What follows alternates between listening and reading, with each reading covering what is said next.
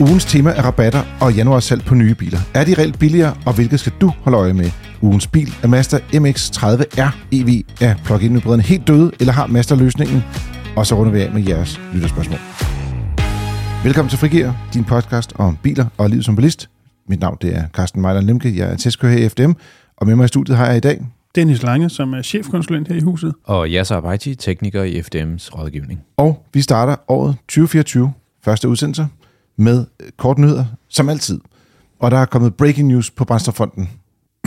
Ja, lad os kalde det det. Nå, der sker lidt konsolidering. Ja, ja øh, som jeg vel virkelig har været i gang i nogle års tid efterhånden. Øh, men det, der sker i den her omgang, det er, at en række Shell-stationer øh, skifter navn, øh, og det vil sige, at de holder op med at være Shell-stationer. De skal være Uno X i stedet for øh, 57 stykker rundt omkring i, øh, i landet. Øh, og så vidt jeg har forstået, så er det de steder, hvor der ligger en, øh, en 7-Eleven på øh, pladsen, eller hvad sådan noget hedder. Øh, der er det i virkeligheden ikke øh, det, man lidt frisk kunne kalde Shell. Det hedder de ikke nu, det er en lang historie. Det er ikke Shell selv, der ejer øh, i selve Shell. øh, arealet, der hvor, hvor 7-Eleven er. Der, Ah, på der er nogle andre. Godt, Så, yes. ja så derfor så bliver Shell, om jeg så må sige, smidt ud på de her lo- lokationer. Det skal så være UNOX, der driver øh, tankfaciliteten i, øh, i stedet for. 7-Eleven bliver der, som jeg forstår det. Øhm, så der er nogle lidt færre steder, man kan tanke, hvis man insisterer på at tanke øhm, på en Shell-tank. Det betyder selvfølgelig også, at hvis man er FDM-medlem, så er der lidt færre steder, man kan bruge den øh, i ganske udmærket øh, rabat, øh, som man kan få som øh, FDM-medlem på Shell-tanke. Øh, men selvfølgelig, rabatten virker stadig de steder, hvor der er en Shell-tank, øh, ligesom at man med et såkaldt FDM Shell-kort øh, stadig får den samme rabat på F24 og Q8, som man hidtil har gjort. Øhm, så ja, Øhm, på lidt længere sigt, hvis vi skal sådan kigge på det for en god undskyld, så siger Uno X, at øh, de regner med, at øh, sådan i, med de store, lange briller, at så øh, skal de her stationer gå fra at være tankstationer til, øh, til ladestationer. Øhm, og s- som de siger, så passer det sådan set meget fint, at der ligger en 7-Eleven på, øh, på grunden, øh, når man lige skal stå og, og lade sin bil. Men det er, mm som de selv understreger, eller som deres øh, talsmand understreger, at der går mange år, inden at øh, den sidste tankpistol øh, bliver pillet ned fra, fra Uno X-tankene sådan helt generelt set. Så det er, det er de langsigtede planer, vi snakker om her. Men de har faktisk nogle ret gode priser hos Uno X, synes Mhm. jeg generelt set, når man kører rundt i landet. Og øh, blandt andet ved Storbælt var det første sted, jeg så det. Der startede de med, at det kostede 0 kroner per kilowatt-time, og det synes jeg faktisk var en meget attraktiv pris. Det er svært at gøre det billigere. Ja, men øh, det koster så ikke længere. Men generelt set er det faktisk en ret fornuftig løsning at betale med dankort og sådan nogle ting. Så, Mm, ja. Som det skal være. Jeg har en nyhed med øh, omkring øh, antallet af elbiler, øh, som, er, øh, som kører på vejene. Øh, vi, er, øh, vi er nået øh, ret langt øh, i forhold til, øh, til, til, hvor vi var henne for, for bare 14 måneder siden. Øh, dobbelt så langt, hvis man kan sige det sådan. nu kører der 200.000 elbiler på de danske veje. Øhm, og det, det, er faktisk, øh, det er faktisk rigtig flot, øh, når man tænker på, at der kun er gået øh, 14 måneder, øh, så er der blevet solgt, eller indregistreret 100.000 flere øh, elbiler. Vi skal jo øh, ramme de her øh, 1 million elbiler øh, i løbet af, af 2030. Øhm, og så er vi jo øh, nået noget af vejen, og, øh, og det som, øh, som, øh, som der skal ske nu, det er, øh, at vi skal have flere elbiler til, til herfru Danmark. Vi skal have billigere elbiler, og vi skal også have sat ladestander op der, hvor at, at der er øh, helt almindelige øh, dig og mig, der bor i, øh, i lejligheder. Øhm, så så det, der, det, det er det, der skal til for, at vi kan få endnu flere elbiler på vejene. Øhm, men men øhm, man kan i hvert fald gå ind på, på vores hjemmeside og, og, og læse øh, den her nyhed. Og, og vi, vi mærker det jo også i rådgivningen. Altså, vi, vi taler med ekstremt mange mennesker, der, der er interesseret i elbiler, og, og spørger til, om det er nu, man skal vælge elbiler, og hvilken elbil man skal vælge. Og, øhm, ja.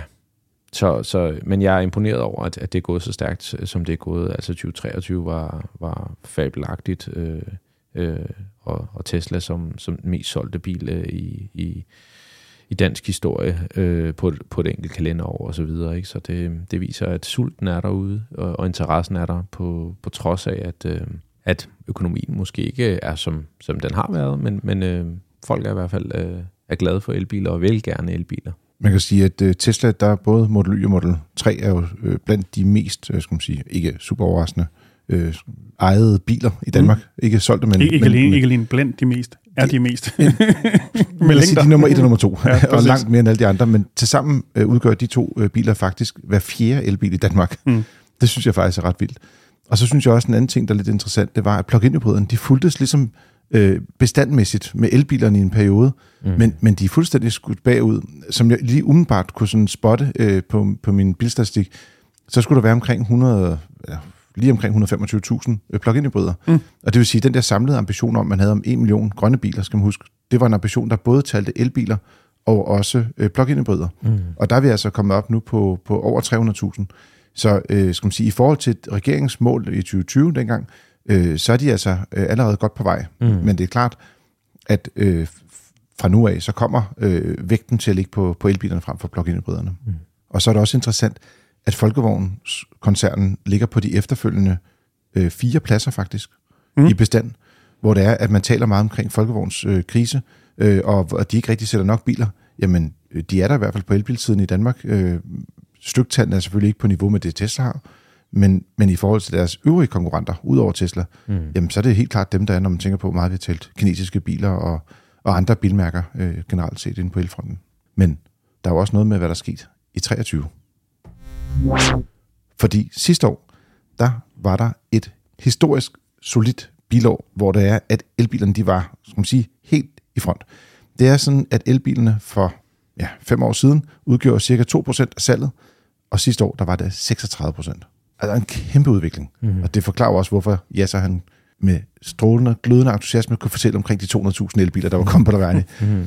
Så øh, det er ikke nogen tvivl om, at det ligesom er der, hvor den ligger, og det er Tesla og Tesla Model Y, der ligesom bærer hele salget øh, sidste år, skulle jeg til at sige.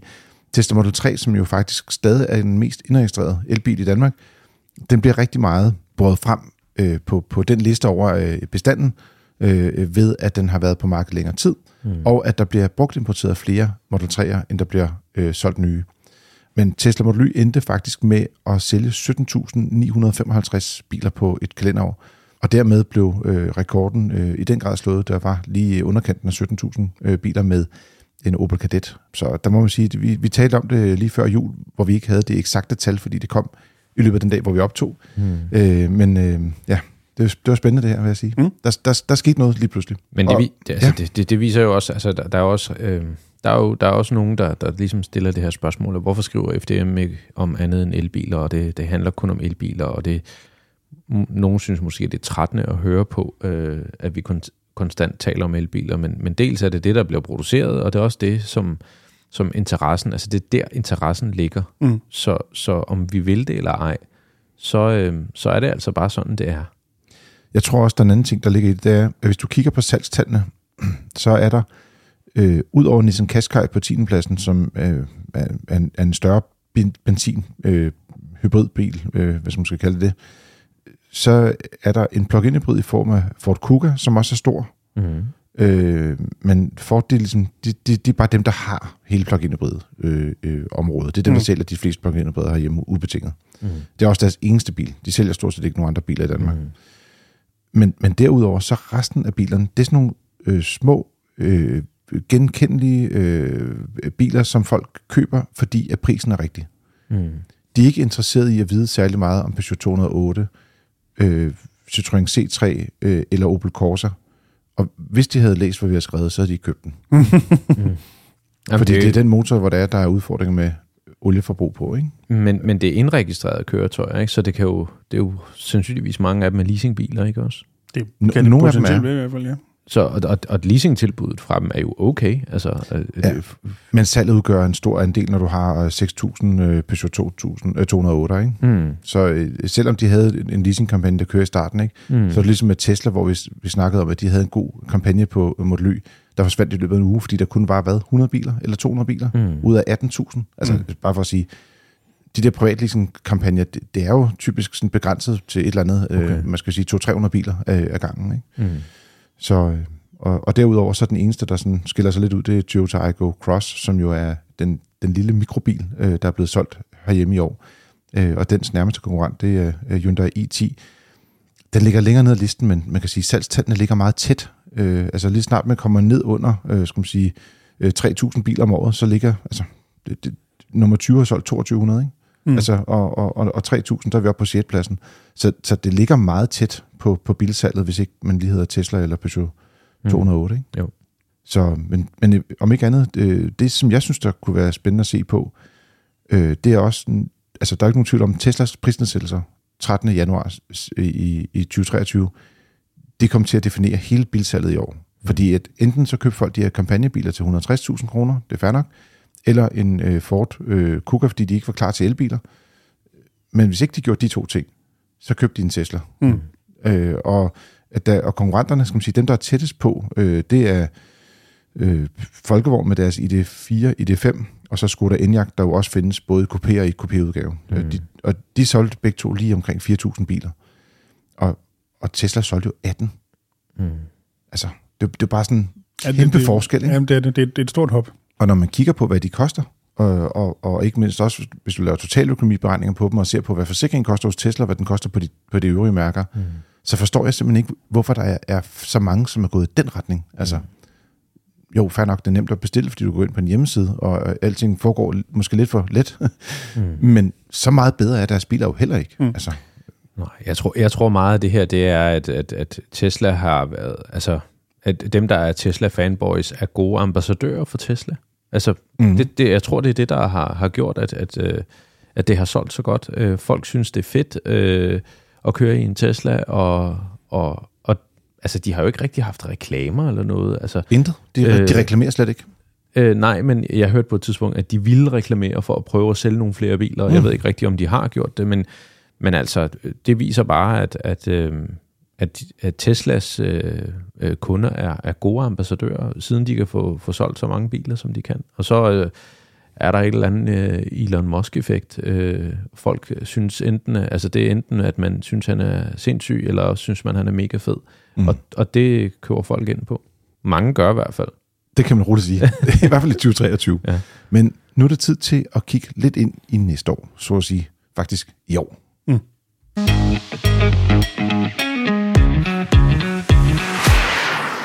Som lovet har vi valgt at kigge lidt på de rabatter, og ikke mindst også januar kampagner, som der kører i øjeblikket.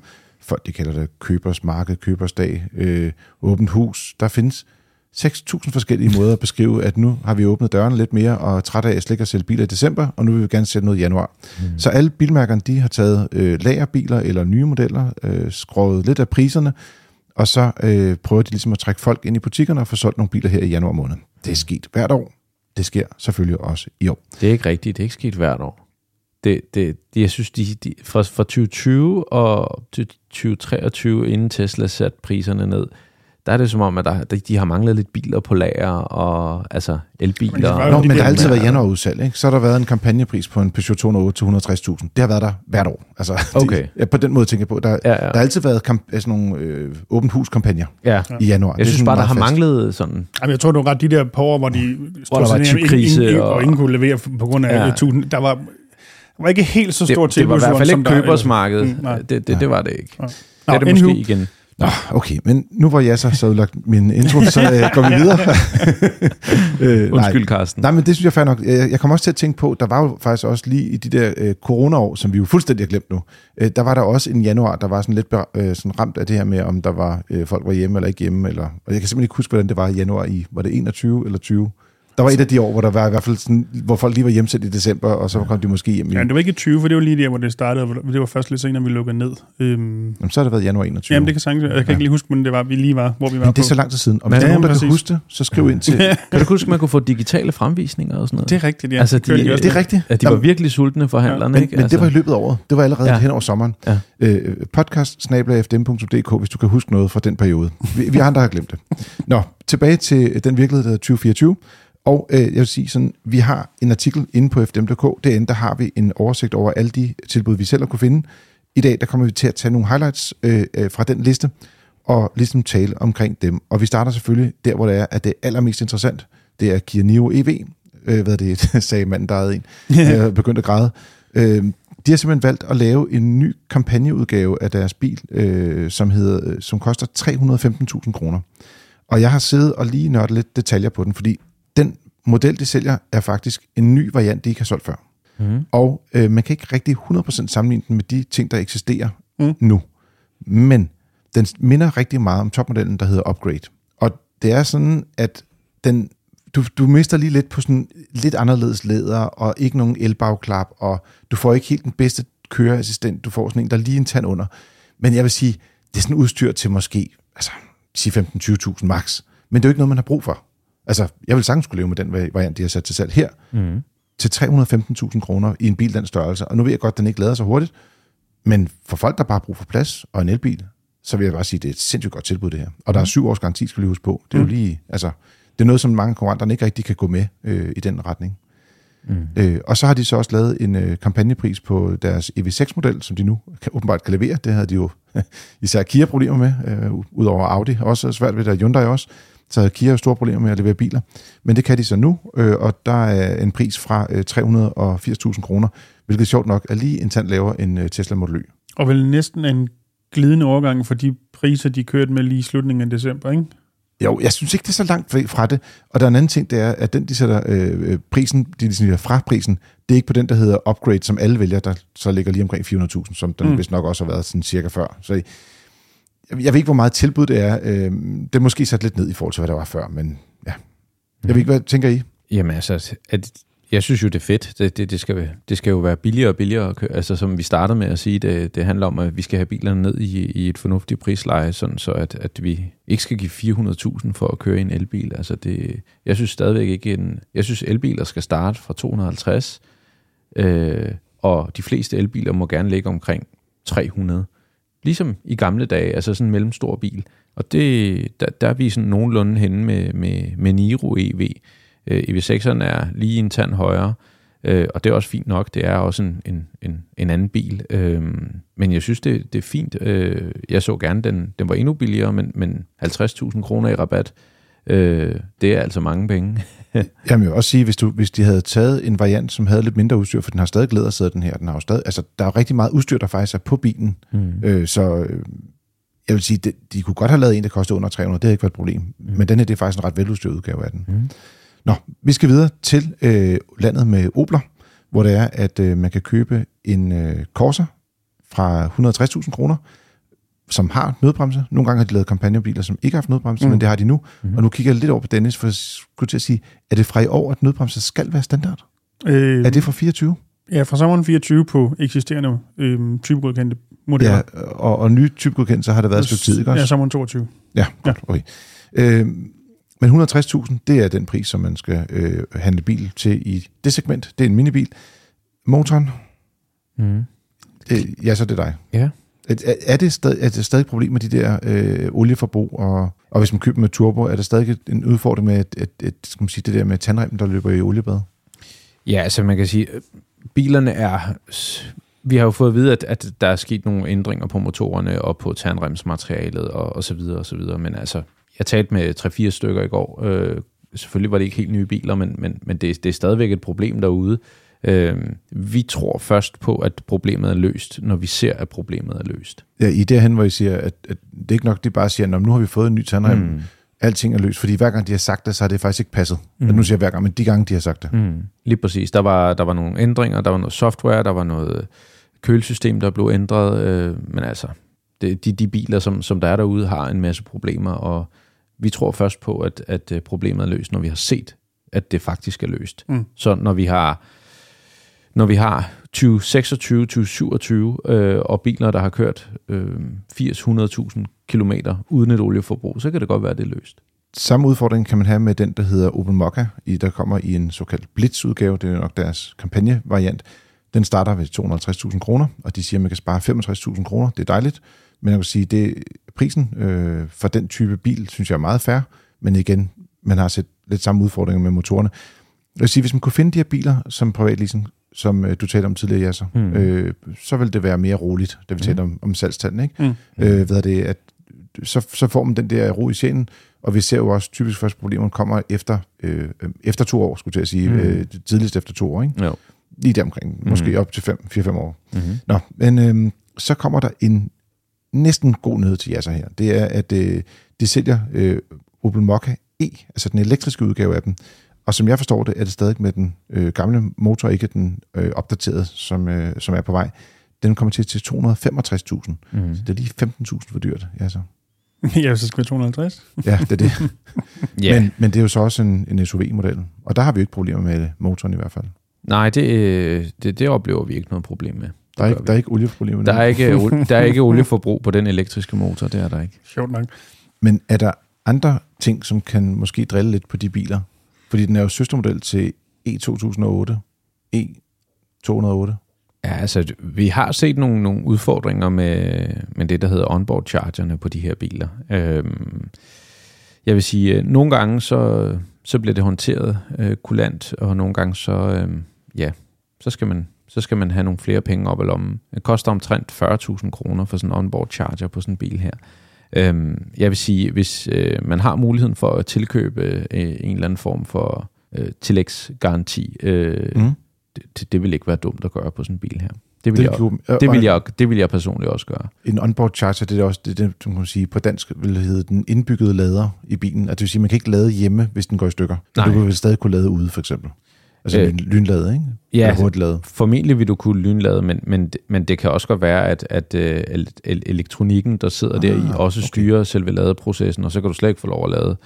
Men altså, det er derfor det her øh, to års garanti, det, det, det er næsten til grin for, for, for de penge, man, man putter på. Altså, en elektrisk tandbørste får man også to, gang, to års garanti på, ikke? Det Men den, den koster bare ikke 265.000. Nej, det, det ødelægger ikke folks økonomi. Altså, det, det gør det ikke. Jeg synes, det er lidt øh, svagt, det her. Øh, det, det synes jeg. Og, og, det, og det gælder også, altså, det gælder også for folkevogn og alle andre. Altså, det, to års garanti, det er bare ikke godt nok. Præcis. Så er der også en Opel Grandland til 380.000 kroner, som åbenbart er den pris, alle biler, som er store, skal koste. Øh, det gælder øh, i hvert fald, øh, det er sådan en rigtig Tesla-pris. Men det, som er det var, at jeg, jeg var inde på prislisten, og så øh, måtte jeg sådan længere ned finde øh, den gamle prisliste frem for at finde ud af, hvad for en motor var, var det egentlig, for det stod ikke rigtig sådan super tydeligt. Så viste det sig, at det var en dieselbil. Jeg tænker, altså diesel, Mm. apropos bilsalg lige før, Mm. det er jo fuldstændig ude af markedet, og altså især for private er det helt væk. Men der kan jo godt være nogle enkelte personer, som siger, ved du hvad, det passer stadig super godt til mit kørselsbehov. Mm. Jeg kører rigtig mange kilometer. Øh, Jeg har ikke øh, mulighed for eller lyst til at have den afhængighed af, at jeg skulle lade. Mm. Øh, Jeg vil bare gerne stadig øh, køre på et, øh, et brændstof, og man skal nok kunne købe diesel øh, mange år endnu også. Mm. Også selvom øh, Shell er konverteret til Uno X, så har de også diesel på deres tanke. Ja, må ikke. Må ikke? Øhm, ja, der er en besparelse på 50.000 kroner, men jeg vil også sige, det er en bil, man kommer til at tage penge på, tror jeg, på, den, på den lange bane. Øhm, Må, må ikke også lige præcis, især den her model er en af dem, som nu kommer på tilbud, fordi der står nogen derude, som de ikke kan komme af med. Så nu prøver de så at se, om det kan hjælpe på det, det her. Tænker jeg. Det giver mening. Ja. Så har vi Peugeot. Øh, de har en 208 til 160.000 kroner, øh, ligesom Corsaen. Samme øh, udfordring med dem. Øh, de er lidt forskellige indrettet, de to, de to biler, så hvis man er i markedet, prøv dem begge to. Øh, tilsvarende. kan, kan du bedst lige at se speedometeret igennemrettet eller overrettet? Ja, præcis. Det er sådan den korte udgave. der er også lidt med antallet af knapper omkring skærmen og sådan Ja, nogle ting, der er ja. lidt forskellige. Så er der kommet den, den faceliftede udgave af Peugeot 2008, hvor det er, de har en basismodel, der er sådan lidt mere basis, end øh, den er hos øh, Opel. Så den kan fås fra 200.000 kroner. Det er altså en lav bil for, øh, undskyld, en, det er en høj bil med en lav pris, skal man nok kalde det i stedet for. Mm. Og så kommer det, som der er det øh, mest øh, breaking news-agtige hos Peugeot. De har sat priser på deres elektriske 308, den der hedder E308. Og øh, den starter fra 300.000 kroner for en øh, mellemklassebil i det, der hedder Active udstyr. Og hvis man vil have GT-udstyr, som er meget udstyr, så hedder det 320.000. Og begge varianter kan tilkøbes som stationcar for yderligere 15.000. Mm. Og det vil sige, at man kan få en stationcar til en pris fra 315.000 kroner. Mm. Det er okay, synes Det er jeg. jo samme pris som Kia Nio'en, vi talte om lige Ja. før. Det synes jeg er okay. Bare, bare noget mere garanti, så er det næsten et rigtig godt køb. Hvis de lige havde fem års ekstra Ja. garanti, så de matchede øh, Kia ind, så havde den været god. Nej. Ja. Men derudover vil jeg sige, det bliver meget spændende også at se, hvordan bilen indrettet, for jeg husker, da vi testede den, at den ikke var super, altså der var ikke super god plads, benplads, hverken i Oblerne eller Peugeot'erne, Mm. i, i de øh, skal man sige, almindelige udgaver. Og jeg kan simpelthen Altså, ikke som jeg forestille husker ikke, man sidder okay foran, men bagved, der er det Ah. noget knivt. Hvad med bagagerummet? Er det, er det sådan øh, det er okay. regulært stationcar bagage? Okay. Men det er jo men, det er super. Uden at være 700 liter, ikke? Altså, Mm. mm. men, men, men fornuftig størrelse bagagerum Ja. på den, øh, 100%.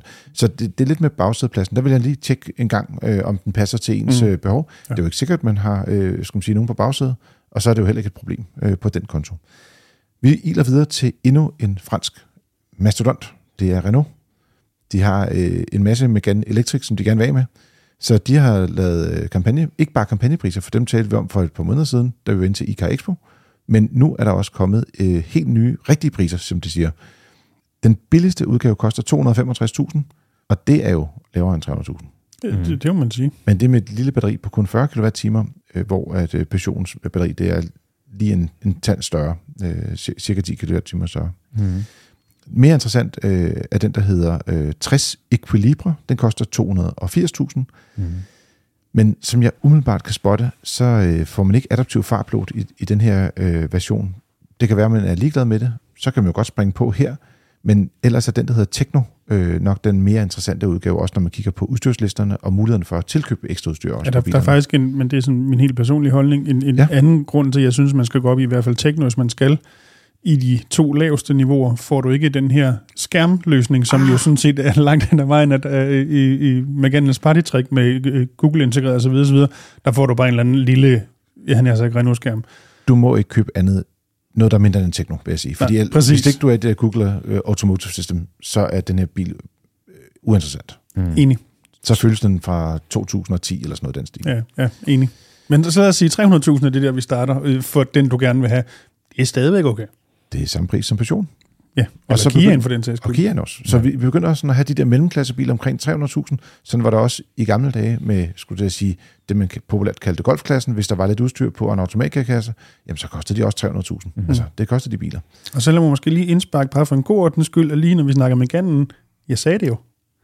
På et eller andet Ja, ja, ja, tidspunkt det er for utrolig lang tid siden, da vi snakker om den kommende, og den hedder Scenic, som jo er nummeret større, mm. hvor vi snakkede, eller min påstand var i hvert fald, den skulle komme ind og koste det, som Meganen kostede indtil Præcis. for få dage siden, så de blev nødt til at gøre noget. Og det ligner det, det er nok af det, de gør. Det var, jeg tror, vi sagde, at den skulle ned med 50.000, og det har de i hvert fald øh, gjort godt og vel en dag her. Ja, ja. Det ser ud som om, de har taget deres top, top, top model ud øh, af prislisten. Den kostede øh, lige omkring 400.000 eller 380.000. Men den synes jeg ikke rigtig står her længere. Det var ikke den, der hedder Iconic. Den hed noget andet. Noget meget fransk. Jeg kan simpelthen glemme det. i Det, kan jeg mellemtiden. huske. det er sikkert Nej. rigtigt. Ja. Så et eller andet er der der. Nå, vi springer videre til øh, Toyota. De har øh, skal man sige, lavet en kampagne på deres Igo Cross, mest solgte bil, øh, hvor det er, hvis du køber den, så kan du få en rabat på 10.000 kroner på Active og Pulse udstyrsvarianterne. Det giver god mening. Det er nogen, man godt kan øh, springe på. De har tre års garanti, men de har også en ret fornuftig mekanik, så man behøver ikke være så bange for det. De har også privatleasing for dem, der er bange. Og her, der stikker det fuldstændig af. Fordi det er sådan, at når man kigger på deres tilbud, så skal man hele tiden holde øje med, hvor lang tid gælder den her aftale. Mm. Fordi i en meget, meget lang periode har det været sådan, at privatleasingbiler de har haft aftaler på tre år. Mm. Det har Toyota også på en Igo Cross. Men det har de ikke på deres Yaris Cross eller Corolla Cross, fordi de kører med etårsaftaler. Og hvis man skulle dresse sig ud i at vælge deres elbil, så er det en femårsaftale i stedet for. Det, det, jeg synes, det er lidt noget rod, når det er, at man begynder at køre kampagner på noget, der ikke har samme længde, fordi det bliver så svært for folk at forstå. Mm. Og også det her med, at man, skal man sige, uanset hvad for en privatleasingbil du vælger, så er det sådan, at der er øh, efter 11 måneder kan du opsige med en måneds varsel. Det vil sige, at du skal minimum have bilen i 12 måneder. Så hvorfor, altså, hvorfor lave... Altså, jeg, jeg forstår ikke, hvorfor de har så mange forskellige øh, længder på Er det ikke det, man kalder en afgiftsfinte? For at få indregistreret en masse biler? Jo, måske. Ja, det kan også være, at de simpelthen har en, at de bliver nødt til at skubbe den over disken, men, men hvorfor så ikke bare sige, ved, ved du hvad, vi laver der bare et ekstra godt tilbud, hvor det er, at du får den, og så kan du bare have den op til tre år, i stedet for op, øh, et, op til et år. Jeg synes, et år, har I prøvet at skifte telefon? For nylig? Ja, det Mm. også det, ja. Det tager jo næsten en dag at finde ud af at skifte telefon. Når folk de skal til at lære en ny bil at kende, det tager flere uger. Og så hvis man er, er lidt øh, skal man sige, langsom til at, at, at, at lære nye biler at kende, så når du næsten ikke at kende bilen, før det er, du skal af med den igen. Jeg synes, det er sådan et år, det, det synes jeg er for kort. Men er der nogle af de her øh, altså privatleasing-tilbud, som decideret er gode tilbud? Altså, Men jeg kan egentlig godt lide, der kommer også nogle pri- privatleasing-tilbud på, på Cupra for eksempel, som jo er et lidt, lidt mindre mærke, men som også godt kunne være interessant at kigge på. Men jeg synes, at privatleasing generelt set godt kan være lidt interessant i en tid, hvor det er, at, at priserne er så øh, ustadige, mm-hmm. og der er så meget priskonkurrence, og jeg tror ikke, vi kommer til at forvente mindre priskonkurrence i løbet af 2024 for den sags skyld. ja. Øhm, og, og vi kommer også til nogle lige om lidt, der også har sat priserne øh, ned, øh, skulle man sige, eller lidt ned i hvert fald. Øh, så jeg, jeg tror godt, det kunne være interessant at, at gå ombord på de her privatleasing-tilbud. Og du kan sige, at den billigste udgave, den koster 2300 om måneden, og så 5.000 i opstart, øh, og så har du den i tre år, sådan en, en Igo øh, Cross. Cross, ja. Mm. Men det er også mange penge på en bil, der skal koste mellem 150 til 160.000 kroner. Mm, ja.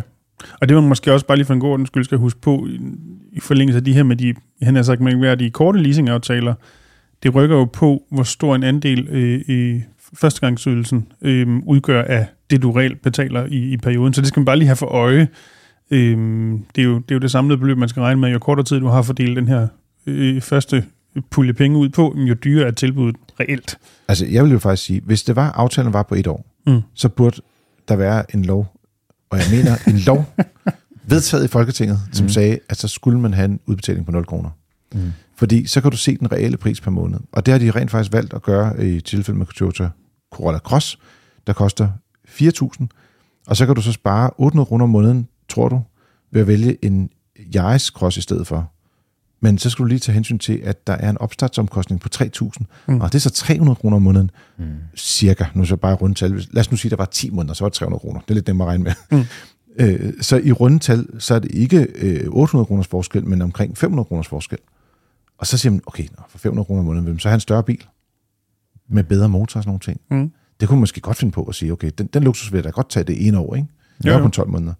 Nå, men BZ4X skal vi også lige igennem. Fem års aftale. Du skal betale 4.000 kroner om måneden øh, med en opstartspris på 10.000. Det sidste det er egentlig ok, men jeg synes 4.000 det er måske lige til den høje side på, på en bil, der skal koste lige omkring 400.000 kroner. Mm. Mm. Men sådan er den verden indrettet. Folkevogn, de kører med rabatpriser på både ID3 og ID4. De vil gerne øh, have skubbet nogle biler over disken. Jeg synes rent faktisk, når man kigger på det, at ID3 øh, faktisk er en ret interessant bil. Den kommer til at koste øh, fra 300.000 også, men den variant er ikke så interessant. Den hedder Pro. Øh, der kommer en ud, den udgave, der hedder Style i stedet for, der svarer lidt til det, øh, Pro'en var for en måned siden, hvor der du også har øh, adaptive LED-forlygter, og du har, altså, du har faktisk en rigtig pæn udstyrspakke, øh, nøglefri betjening, bakkamera og sådan nogle ting. Det, det er med i den pakke. Den koster 10.000 kroner. Jeg vil bare sige, det vil være de bedste 10.000 kroner, man kommer til at bruge i sit liv, mm. øh, hvis det er, man har tænkt sig at købe en ID3. Mm. Så det er bare at skubbe afsted på den. Og du kan også vælge at, at, at bruge lidt ekstra penge, hvis du vil have en model med stor batteri. Men der vil jeg sige, det kræver virkelig, at man kører langt, før den øh, giver mening. Man kan lige så godt nøjes med standardbatteriet. Det Mm. har en ret pæn størrelse også, og, og den har også måske en lidt bedre køreegenskaber, men Mm. jeg vil sige, der er nok ikke så mange, der lægger mærke til. Så kan man springe op i, i det 4. Der starter prisen fra 335.000 kroner for deres billigste, billigste model, med det mindste, mindste batteri og mindst, mindst udstyr. Og det er ikke den, man vil have. Nej, men så er der noget, der er billigt. Ja, Jeg vil ja, også ja. sige, hvis nu du er sådan en type, der bare kører øh, børn til og fra øh, fodbold, og du aldrig kører langt, og altså batteriet er jo faktisk mindre end det her i, den her, i det 3, det er kun på 52 kWh, så det er ikke øh, særlig øh, stort batteri, men 335.000 kroner for en bil i den her størrelse. Jo, men er ingen, iso, nok iso, slå. isoleret set er det, er udmærket pris, men Ja, igen, det er jo ikke den version, man gerne vil have. nej. Så den, man gerne vil have, den hedder Style, har fået deres nye drivlinje med 286 hestes motor, og der øh, øh, skal man sige, den koster 380.000. Pris, vi har hørt før. Mm. mange gange efterhånden. Så der kan du vælge, om du har en Opel Grandland, eller en Tesla Model Y, eller en... Øh, hvad var det sidste, vi havde med? Jeg synes, der var, var der ikke en til 380.000? Det var en øh, Kia EV6 også. Mm. Ja. Men Ja. jeg synes faktisk, at det her tilbud, det øh, står cirka øh, 30-40.000 lavere end, end den tilsvarende Skoda Enyaq. Øh, og de, den her udgave, der hedder Style, den har også adaptive LED-forlygter og deres øh, store øh, assistentpakke. Mm. Jeg vil sige, det er det, er det stedet knaldtilbud. Altså, øh, og, Det, det er en god bil. Ja, og, og rækkevidden hedder omkring øh, 550 km øh, officielt. Det, det, Mm. det er ret pænt. Mm. Men stadig kun to års garanti, for nu lige at sætte det i Ja, relief det, skal, til det, skal den, Kiaen for eksempel. det, skal den, det skal den have, have en lille smule tæsk for. Ja, øh, de har faktisk noget, der hedder en plus 2 dækning, øh, der koster 9.000 kroner. Og der vil jeg sige, de 9.000 kroner, dem tager man bare. Og det, man skal også huske på, i forhold til da de lancerede i det 4'eren, så er der jo ikke nogen service- og reparationsaftale. Den skal man jo købe ved siden af til bilen. Øh, og, og det var jo inkluderet i fem års service i, i gamle dage. Og, og så der er, skal man sige, det skal man have med i mente, hvis man går og tænker, gud ja, da den kom frem, der var den jo faktisk lidt dyrere, eller Mm. du ved, så skal man lige tænke på, ja, men du får heller ikke helt det samme, som du fik dengang. Mm. Til gengæld vil jeg sige, at udstyrspakkerne er blevet altså, så omfattende nu, at det virker som en meget billig bil i hvert fald. Men øh, Gå ind på fdm.dk, hvis du vil se de sidste priser, hvis du ikke har fundet eller hørt om en bil, du rent faktisk har lyst til at købe, så kan det være, at du kan finde den derinde.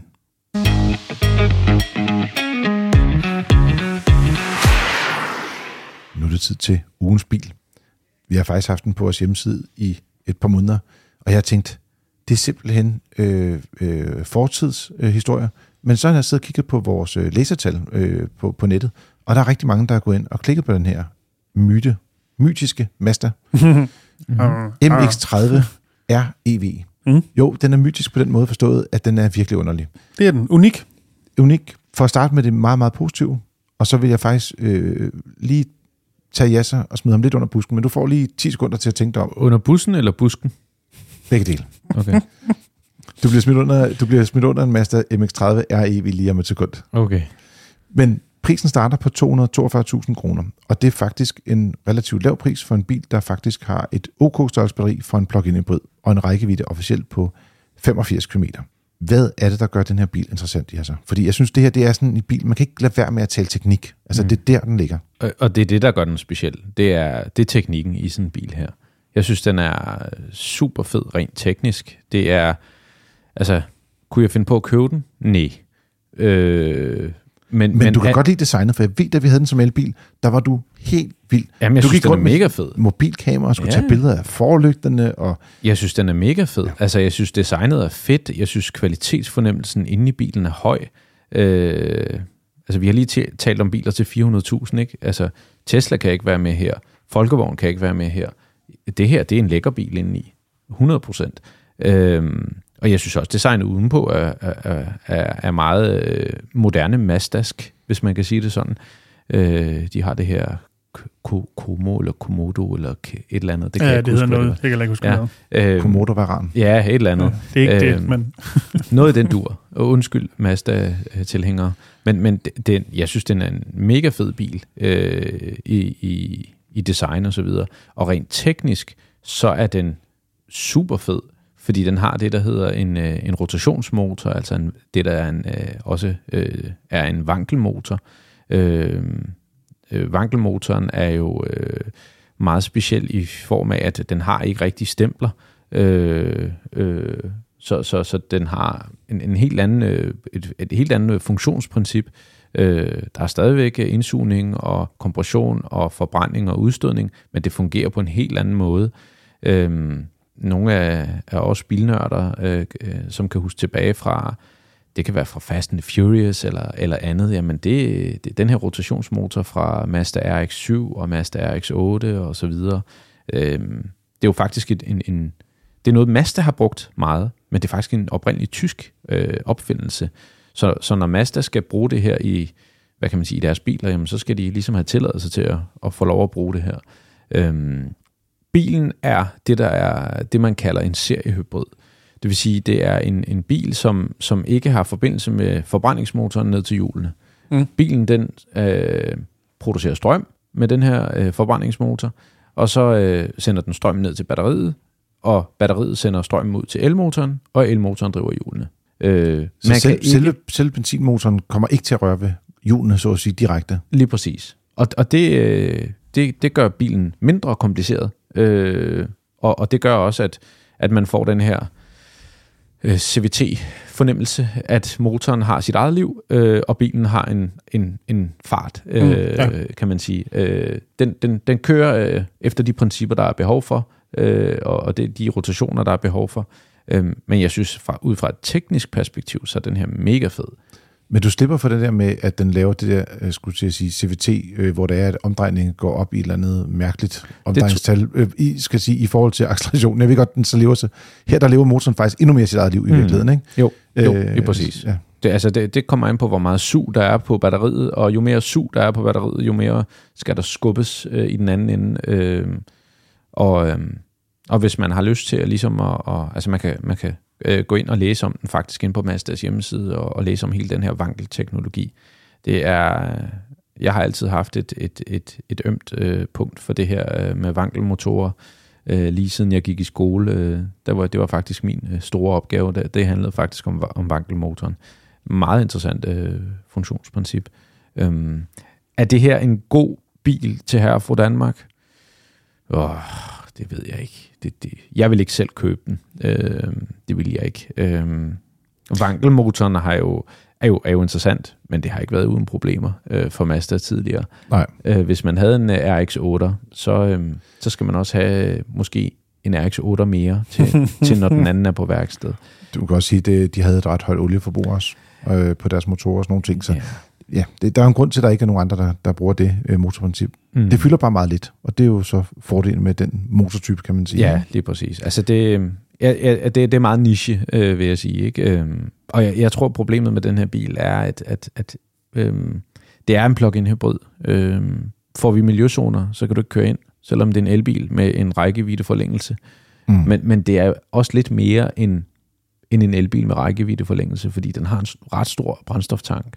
Mm. Det er ikke ligesom øh, i træeren for eksempel. Mm. Øh, Nej, nej, den er 9 liter, eller hvad det nu er. Der ja, har lige præcis. ingenting. Og den her har 50, ikke? Så, Ja, okay. så det er en ret stor øh, brændstoftank. Øhm, men jeg synes, at altså, hvis, hvis man er i markedet for en plug-in hybrid, og man, man gerne, øh, man godt kunne tænke sig en, en lidt lækker kvalitetsfornemmelse og, og så videre. Øhm, nu ved jeg ikke, om den kan privat leases, men øh, formentlig. Jeg synes, det er en fed bil.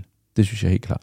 Man kan sige, at vores øh, kollega Søren Rasmussen har været ude at køre i den, og han siger, at øh, det er en bil, som som udgangspunkt opleves som en elbil, fordi den jo trods alt har et batteri og, og også en, en rimelig pæn rækkevidde.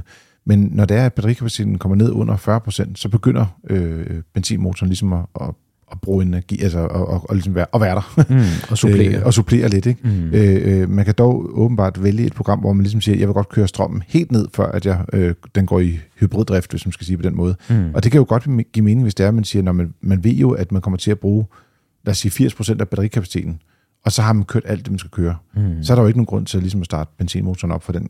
Øh, I hvert fald ikke øh, af hensyn til køreturen. Det Nej, nej. kan godt være af hensyn til motoren, man skal gøre det, ja. Så det, kan, det ved jeg ikke, om der er lidt forskel på vankelmotor i forhold til andre motorer. Ja, altså, der er jo, altså, den er øh, ret meget anderledes, øh, og jeg tænker, at, at, at de Mazda-ingeniører nok har nogle, nogle, nogle driftscykluser, hvor der er tvungen drift, mm. kan man sige. Også fordi, når vi taler om en plug-in hybrid, som er god til at køre på strøm, jamen så vil det, så vil det være sådan, at, øh, at der opstår jo de her benzindampe i, øh, i, i tank. Og de her benzindampe, de skal jo, altså, Mm. de akkumulerer sig, øh, og de skal jo brændes ud, kan man sige, på et tidspunkt. Øh, samtidig med, at, at motoren, jamen, når du har noget, som, som er smurt, øh, og nogle lejer, der ligger i en oliefilm, så skal det helst ikke ryste oliefilmen løs. Mm. Øh, og nu, øh, nu er jeg ikke sådan helt øh, 100% på, hvordan øh, alle legepander og så videre er i den her motor, så det tør jeg ikke sige. Men jeg tænker, at der er nok et, et, et program, der ligesom sådan- er det et vedligeholdelsesprogram. Øh, så, og hvis man nok, øh, og hvis man sparker til den på, med, med lav øh, batteritilstand, øh, eller med, med, med lav ladetilstand, så, så tænker jeg, at motoren også går i gang, og så får den også lov at leve. Altså, men men det, det er der nok taget hensyn til. Godt. Men hvis det er, at du tænker sådan en Mazda MX-30 R EV, det kunne jeg godt tænke mig at dykke lidt dybere i, så kan man komme ind på vores hjemmeside, læse artiklen derinde, og også øh, se den video, som Søren har lavet om bilen.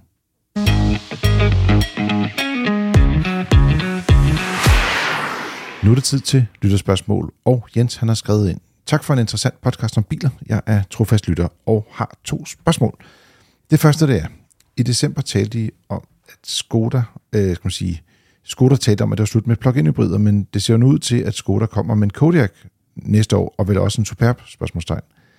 Er det ikke noget af en underlig historie, og hvad er jeres vurdering af dette, og er det ændrer det ikke på jeres vurdering af, at plug-in hybrider ikke er relevant? Så jeg, jeg tænker, vi tager dem lige en af gangen. Det er lidt nemmere. Mm. Øh, jamen, det, det er rigtigt. Øh, Superben kommer, og det, de bygger jo også øh, Passaten øh, på samme fabrik. Den kommer også som plug-in hybrid. Øh, jeg tror, de kommer til at klare sig fint på alle mulige andre markeder, bare ikke i Danmark. Man skal huske på, øh, hvis du giver biltallet i Europa, øh, så er der nærmest ingen, der gider købe elbiler. Øh, de bliver stort set alle sammen sendt til Danmark med rabatter, for ligesom at få skybet dem ind og få dem indregistreret. Øh, I de lande, der vil de være meget mere modtagelige over for den her tredje sten, som plug-in hybriden er. Jeg ved ikke, om I har noget sådan... Jamen, jeg bliver sådan set grundlæggende enig. Mm. Øhm, I Danmark, på grund af afgifterne, sandsynligvis bliver plug-in-varianterne for dyre øhm, til sådan at give rigtig mening i forhold til øh, et el-alternativ i nogenlunde samme øh, Men klasse. måske bedre end diesel. Altså bare Jo, jo, jo, Ja. højst sandsynligt, men øhm, bliver det store eller Nej, det tror jeg sådan heller ikke, det gør. Ikke i Danmark. Enig. Og generelt ikke så glad for plug-in hybrider. Altså, Jo, jeg, jeg synes, jo, altså plug-in hybrider er, er, teknisk set er jeg rigtig glad for plug-in hybrider. Vil jeg eje en, hvis jeg kan lade min, hvis jeg kan sætte et stik i, i en bil? Nej, mm. det vil jeg ikke. Nej. Det giver ikke mening. Så spørger han, hvad er der muligheder for os, der i mange år har kørt Touran øh, fra Folkevogn, øh, Ford S-Max, Renault Grand Scenic med videre, hvor der er plads til syv personer, og hvor vi også har brug for pladsen, med en ordentlig rækkevidde og mulighed for trækkrog og assistenssystemer, der fungerer. For Kia EV9 er jo meget dyr, og dermed kan den nok ikke driftmæssigt nå op på et løbende omkostningsniveau, som svarer til de biler, som jeg lige har nævnt. Er der noget på vej, som kunne være relevant for plug-in hybrid, er det jo næppe. Og så vil jeg sige, det er måske et af de steder, hvor det er, der kunne være nogle plug-in hybrider, der var interessante stadigvæk. Det, det er lige præcis på det her segment med, med syv personer. Og der er nogle enkelte elbiler, som også har øh, syv pladser, og der er jo også for eksempel en folkevogn har jo en, en variant af ID Boss på vej med, med syv sæder i, og øh, en, en pris, som nu ser ud til at blive lidt mere menneskelig, i hvert fald noget billigere end Kia EV9. Mm. Den har ikke så lang rækkevidde, øh, så det er jo lidt, øh, hvad man har brug for. Øh, han siger selv, at han kører øh, 25.000 om året, og, og skal man sige, øh, 80 km om dagen, og har en Touran i dag. Hvis han skulle skifte til noget, og han er glad for sin folkevogn, og han køber den der 2 plus 2 dækning der, øh, så kunne sådan en, en, en boss med syv sæder, det kunne nok være et fornuftigt valg, også fordi den rent faktisk har øh, et bagagerum ved siden af øh, de syv pladser. Mm. Mm. Det er der faktisk, synes jeg kun er S-Maxen, der rent faktisk har god plads af dem, der er her. Og, og stadig ikke på niveau med det, som man kan finde i en boss. Men ellers, han spørger, om han skal beholde og vente. Og så vil jeg sige, det vil jeg gøre. Ja, altså, øh, hvis, hvis din bil er velfungerende, hvis du er glad for din Touran, og den, den opfylder din pladsbehov, og den ikke er, er, er hvad kan man sige, på værksted i, i tid og utid, så synes jeg da også, man skal køre videre i bilen, altså få, få slidt den godt ned, øh, og så se om udbuddet øh, af syvpersonsbiler eller MPV'er. Øh, der er jo en, altså den her Grand Scenic, øh, kommer den med syv personer? Mm. Eller den her nye Scenic? Nej, det er Megane vist kun Scenic en- er kun fem. Megane Den er kun Scenic? fem, ja. Okay. Øhm, Nej, undskyld, den hedder ikke Megane Scenic. Den, det hed den ikke. Den hedder bare Den Scenic. hed bare Scenic. Ja. ja. Den er øhm, baseret på Megane. Men, men formentlig, altså det er jo en, altså det er jo meget Renault-ting, ikke? Altså de har haft meget af de her, øh, jeg, nu kan jeg ikke huske den der, der ligner en UFO. De havde jo Espassen, og så havde de også en, en, en, en, en meget underlig façon. En med en meget underlig façon, som også var en, en, en SUV'er, eller undskyld, en MPV'er. Den kan jeg simpelthen ikke huske, hvad hedder. Avantim? Det kan godt være. Altså, det er en Espace Coupé med to døre. Nej. Ellers har de ville kun have haft 7 Grand, Grand Scenic, og så øhm, Espas. Har der været andre? Jeg kan ikke huske De lavede faktisk en Espace SUV-udgave på et tidspunkt, som skulle være noget anderledes end deres MPV-udgave af øh, Espassen. Ja, Den var sådan lidt mere spacey. ja men øh, nu, nu, Anywho. Var det Renault? anywho, ja, ja det, er, det er en Renault, og jeg har set mange af dem. Øh, Du har set og, mange af dem. Ja, og øh, jeg skal, nok, Velsatis? jeg, skal nok, øh, jeg skal nok vende tilbage med, hvad hvad det er for en model. Der var noget, der hed Velsatis også, men den havde ikke syv pladser. Okay, Nå, vi tager den en anden dag. vi tager den en anden dag. Måske næste uge, kan jeg lytte. øhm, men, men hvor med alting er, så, så tror jeg, der kommer flere modeller til. Øh, også formentlig fra Kina. Øh, Xpeng og, og, og, og Volkswagen har jo, øh, har jo også lidt et, et, et forhold, og det tror jeg også kommer til at bære frugt øh, i forhold til, at, at der kommer måske en Xpeng Volkswagen øh, måske med, med, med plads til syv personer. Øhm, Altså, findes jo allerede en Xpeng, der har det øh, i Kina. Ja. Øhm, men af de her, han har sagt lufthavnsbusser, Ja. ja. luksusting noget, så øhm, For, formentlig kommer det også. Øh, jeg synes, du skal fortsætte med at køre i den her Touran. Det er en ganske glimrende bil, og øh, også en populær bil. Øh, så så det, det, det vil jeg gøre. Køre videre i den. Vi har også fået en mail fra Bjarne. Han skriver, hej Frigir, tak for jeres gode og altid underholdende podcast. Jeg kører endnu ikke elbil. Så han har et spørgsmål, som er lidt teknisk, og dermed også øh, rammer primært jasser, så Dennis og jeg, vi tager lige en 20-24 slapper. Kommer også lidt på nyårsaften, mens at øh, lektor Jasser, han svarer på dette spørgsmål. Jeg fortsætter. Når nu er jeg bremser i glat fører, så virker ABS'en jo omgående med en almindelig bil. Men hvad gør man en elbil, når det er, at den regenererer? Er der også en ABS, som regulerer regenerering, hvis hjulene begynder at blokere? Eller bør man køre uden regenerering, hvis det er meget glat, og benytte selve ABS-funktionen, som man kender det fra sine nuværende biler? Ja, øh, det er et øh, generelt misforstået fænomen, at øh, når man træder på bremsen i en elbil, at at, øh, at man selv bestemmer. Øh, man bestemmer faktisk ikke noget. Når man træder på, på bremsen i en elbil, medmindre det er en katastrofebremsning, altså en hård opbremsning, hvor man træder bremsen meget langt ned på kort tid, så forstår bilen, det her det er en, øh, en farlig situation, nu skal vi bare blokere bremserne. Hvis det er en blød opbremsning, en, også en mellemhård opbremsning, så vil det primært være elektrisk bremsning, og til sidst vil man få noget hydraulisk hjælp. Øhm, når man slipper øh, bremsen, øh, eller undskyld, når man slipper speederen, og bilen den regenererer, så er det sådan, at man igen bruger elmotoren til at bremse køretøjet, og til sidst så vil man så bruge bremsen. Øh, hvis man øh, mister øh, kontaktfladen med, med vejen, og, og, og bilen skrider, så opdager ABS-systemet, at, at der er et eller andet her, der ikke, der ikke fungerer. Øhm, og det vil sige, hvis man har en, en, øh, et køreprogram, der har en høj rekuperation, øh, altså ønske om at bremse køretøjet, jamen hvis det, det program opdager, at øh, der er hjulslip, eller der er øh, noget, som, som gør, at, at et, et enkelt hjul eller flere hjul ikke øh, roterer med samme hastighed, så vil ABS-styrenheden øh, slå til. Øhm, hvis man går ind i de forskellige bilers øh, køreprogrammer, så er der faktisk også et sneprogram på nogle af bilerne. Øh, hvis man kører i en Tesla, jamen, så, kan man, øh, så kan man også skrue ned, og det anbefaler Tesla for eksempel, at man skruer ned for, for rekuperation. Øh, Mm. Ja. Interessant. Og øh, Det, vel, kan, det tror jeg faktisk ikke, du kan mere hos Tesla. Jeg mener, de fjernede rekuperations, øh, hvad det, justeringen på dem. det, de, de ændrer... Det er det, jeg, jeg kan ikke- jeg kan beklager, jeg så gå lidt øh, på den, men, men, det, men jeg er ret enig. Jeg tror også, det generelt set kan det være en god idé at skifte. Vi har prøvet flere gange også på, øh, på hvad det, vores testanlæg, Mm. for at se, om det var farligt at køre med.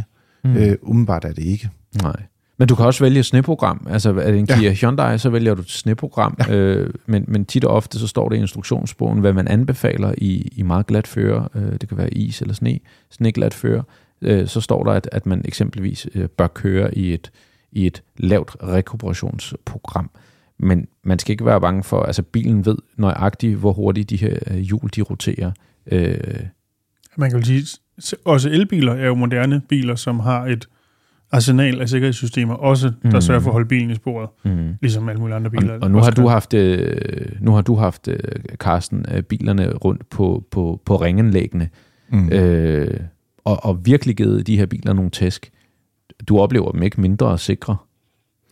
Nej, men jeg synes, jeg kan mærke, at de biler, der er bagstræk, godt kan finde på en gang imellem at, at steppe lidt ud med bagenden, når man accelererer. Mm. Så jeg synes mere, det er der udfordringen ligger end de andre steder. Og især de biler, som er med bagstræk, ligesom man kender de gamle dage, sagde en, en Volvo eller en BMW eller en Mercedes, Mm. jamen hvis du havde bagstræk, så var det jo essentielt at have vinterdæk på bilerne. Og det vil jeg også sige, det gør sig også gældende for, for elbilerne. Øh, der, der er helårsdækkene måske lidt mindre velegnet, og det gælder så også øh, faktisk også for øh, Tesla. Øh, Mm. Deres normale udgaver, de har jo dem, de bare kalder bagstræk i dag. Før mm. hed de øh, standard range, men Mm. det hedder det ikke mere, nu hedder det bagstræk. Nå, Nå, okay. Der skal man bare sige, at hvis det hedder det, så skal man nok sætte nogle vinterdæk på dem. Mm. Det var der i hvert fald nogen, der ikke gjorde her til formiddag, eller skal man sige, da vi kørte på arbejde i morges, der var flere, der lå og kørte med 50 km. Men er vores anbefaling ikke, at man kører med vinterdæk, uanset om man har for- eller bagstræk? Man kan også godt køre med helårsdæk. Ja. For eksempel, hvis du køber en Volvo, som jo er et af de sikreste bilmærker i hele verden, siger de selv, Mm. så er helårsdækken standard. Men meget afhænger- jo stadigvæk af, har du mulighed for at lade bilen stå, når sneportene virkelig åbner sig, eller Mm. skal du altid ud? Mm. Hvis det er det sidste, sæt vinterdæk Ja, bil. altså jeg vil ikke gå på kompromis. Jeg vil altid køre med vinterdæk. Det er et personligt valg, øh, vil jeg sige. Øh, men tilbage til det her. Jeg, jeg synes ikke, at, øh, at Bjarne skal være bekymret øh, i forhold til rekuperation. Øh, men, men ja, øh, følg fabrikantens anvisning til kørsel mm. I snevejr. Øh, mange gange så, så er der mulighed for at, at, justere ned, kan man sige, i rekuperation, eller køre i et sneprogram. Det var Frigir for denne gang. Lyt med igen i næste uge, hvor Dennis, jeg og jeg legner ugens nyheder, tema og bil op og svarer på jeres spørgsmål.